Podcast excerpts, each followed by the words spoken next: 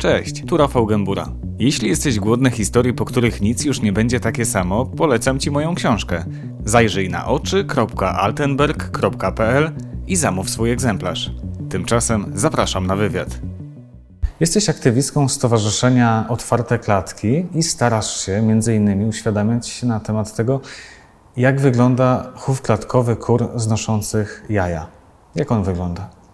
Um, jaja z chowu klatkowego to są jaja oznaczone numerem 3 na każdym e, jajku.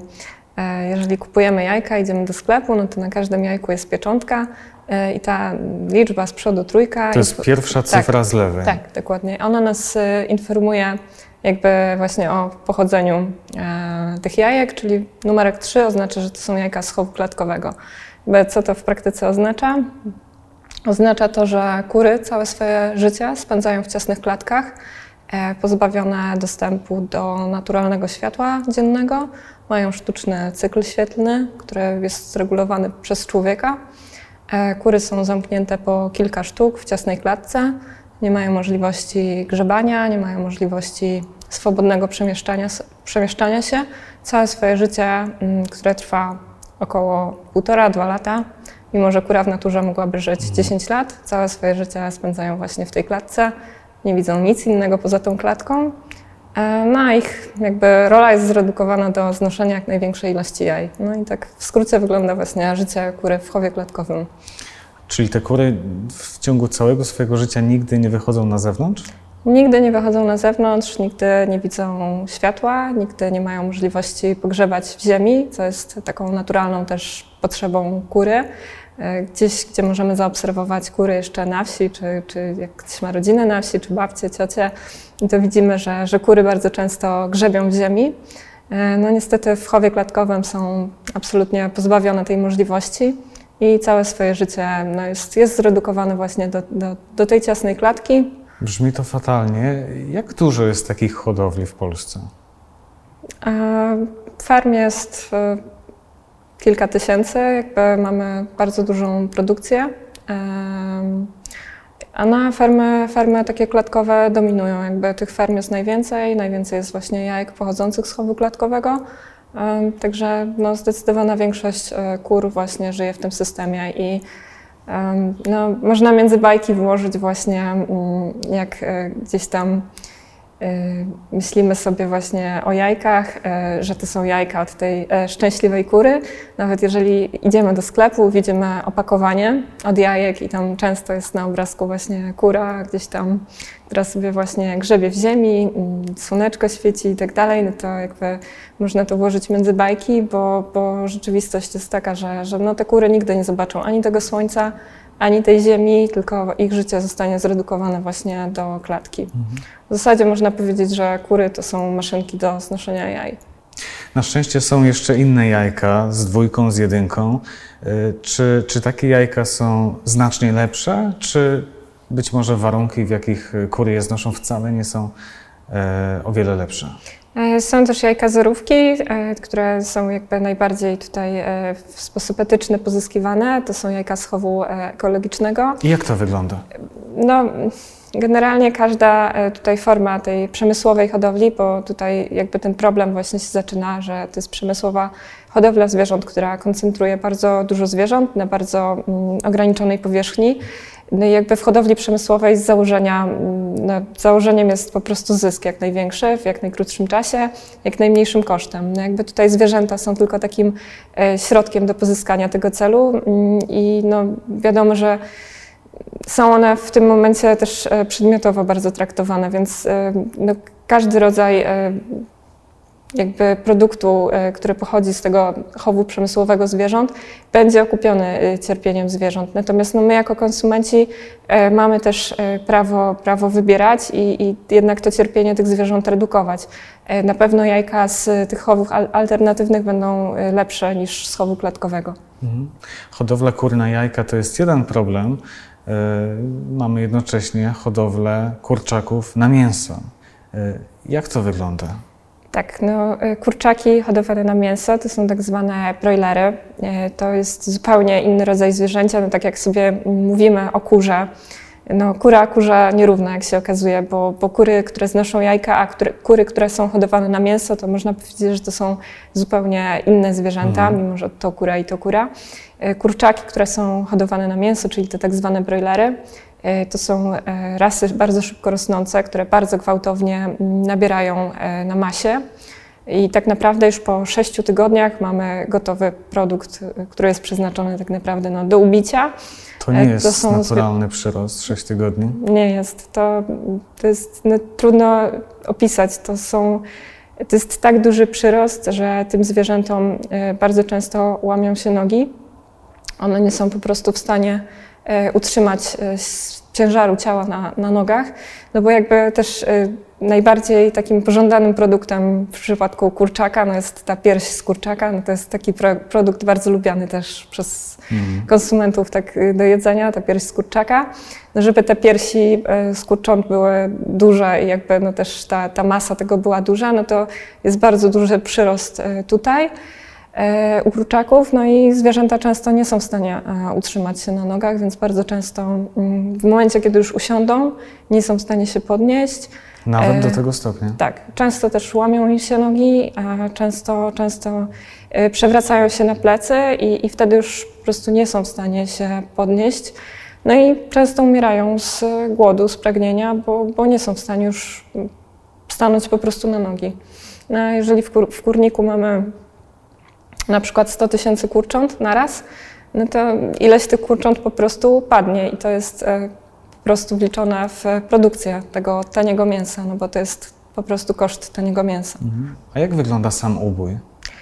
E, sam ubój e, zaczyna się, koszmar tego uboju się zaczyna tak naprawdę w momencie mm, załadunku i transportu zwierząt, bo, bo sam załadunek e, też jest bardzo taki mm, urazogenny. Zwierzęta są łapane w dużym pośpiechu, w takiej bardzo nerwowej atmosferze, bo tutaj oczywiście też liczy się czas. Często wtedy dochodzi do różnych urazów i, i zwierzęta często ranne na przykład z połamanymi nogami czy skrzydłami e, są transportowane. Czasami ten transport jest e, wielogodzinny. W zależności od pogody, czy, czy jest upał, czy, czy jest zimno, no to też te zwierzęta oczywiście te warunki atmosferyczne muszą, muszą znosić. Następnie no, mm, następuje rozładunek w ubojni. W przypadku kurczaków ubój E, odbywa się przez dekapitację, czyli no, obcięcie głów, poderżnięcie gardła.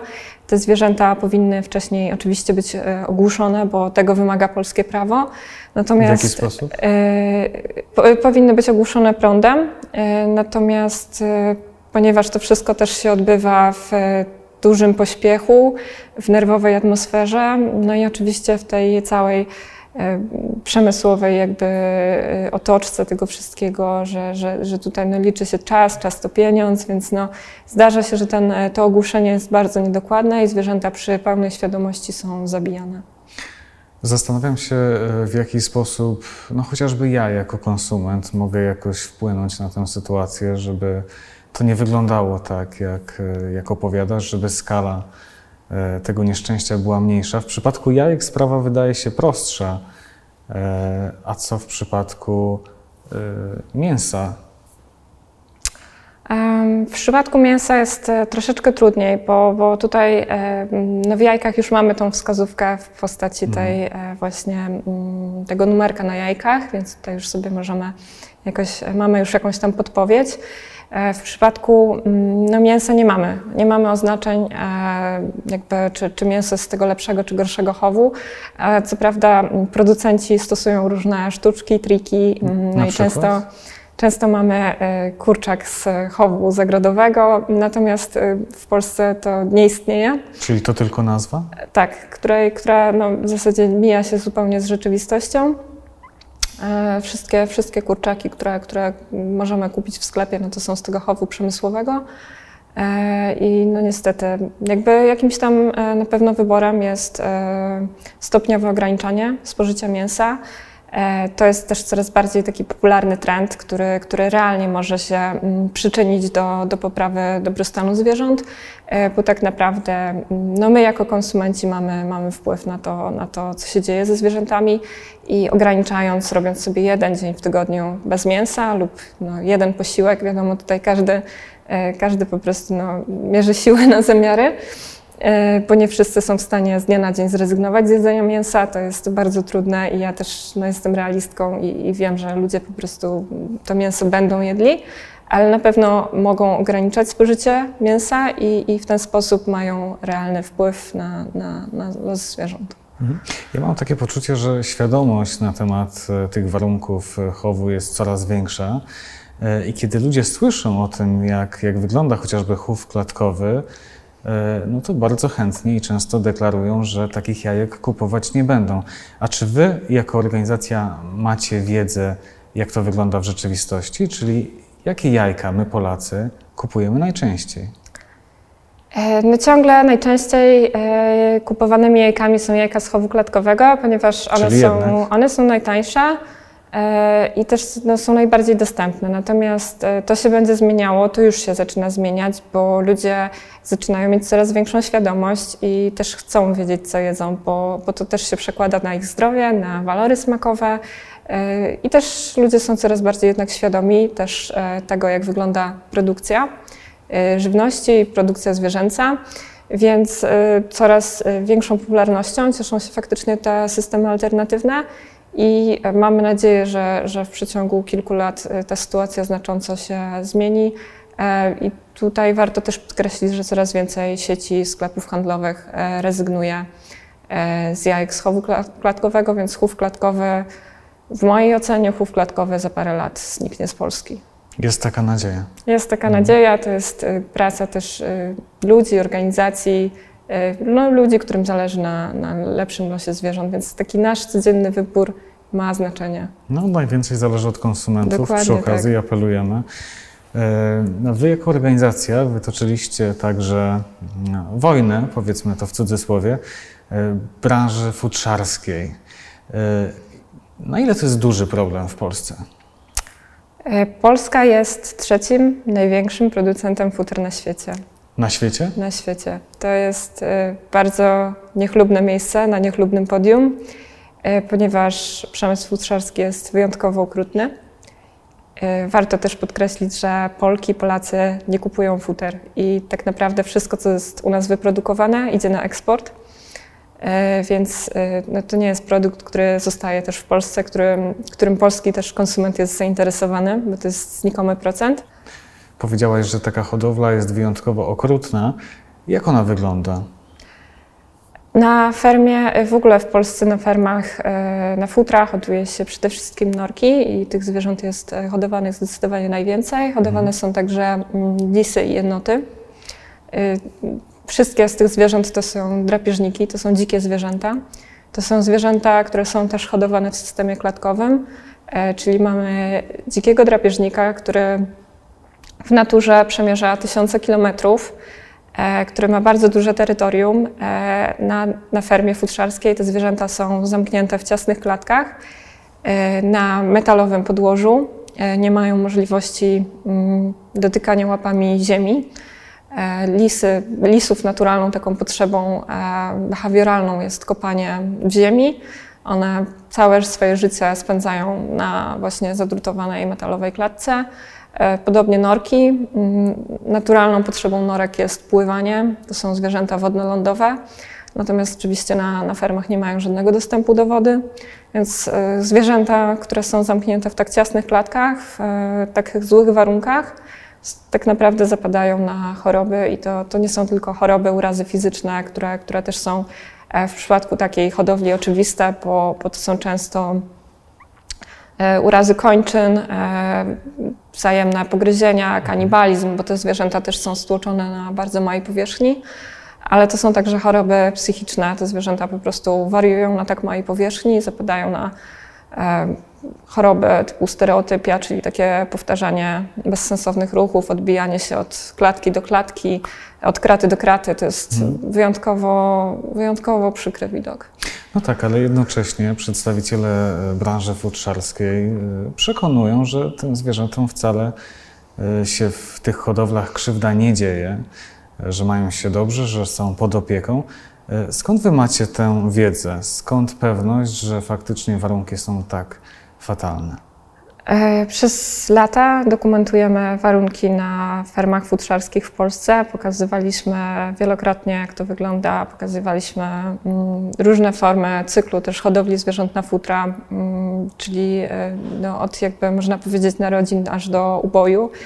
I pokazywaliśmy, że tak naprawdę e, od samego początku, aż od narodzin, e, to krótkie życie, bo, bo życie zwierząt hodowanych na futro jest krótkie. One żyją tylko około, około 6-7 miesięcy.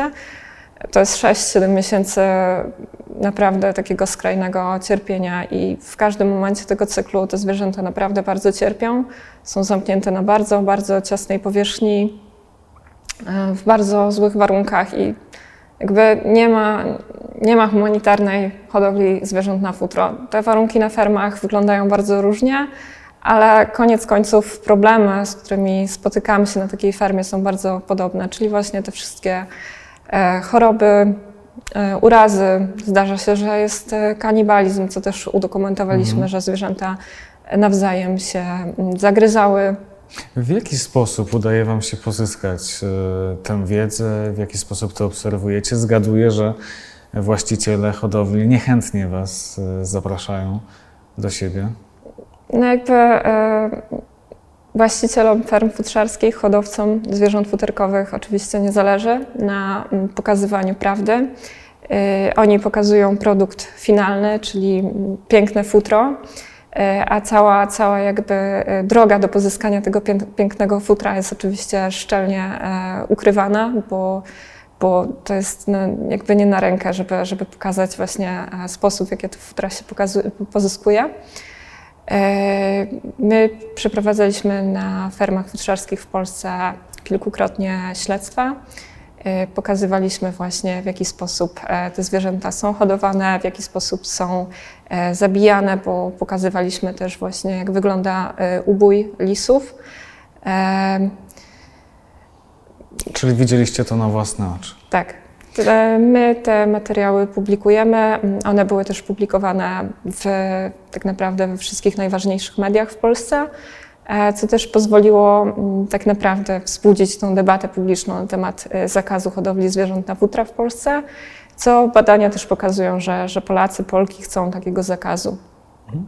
Jeśli ktoś przegapił i chciałby przekonać się na własne oczy, jak wyglądają takie hodowle, e, gdzie może zobaczyć te filmy?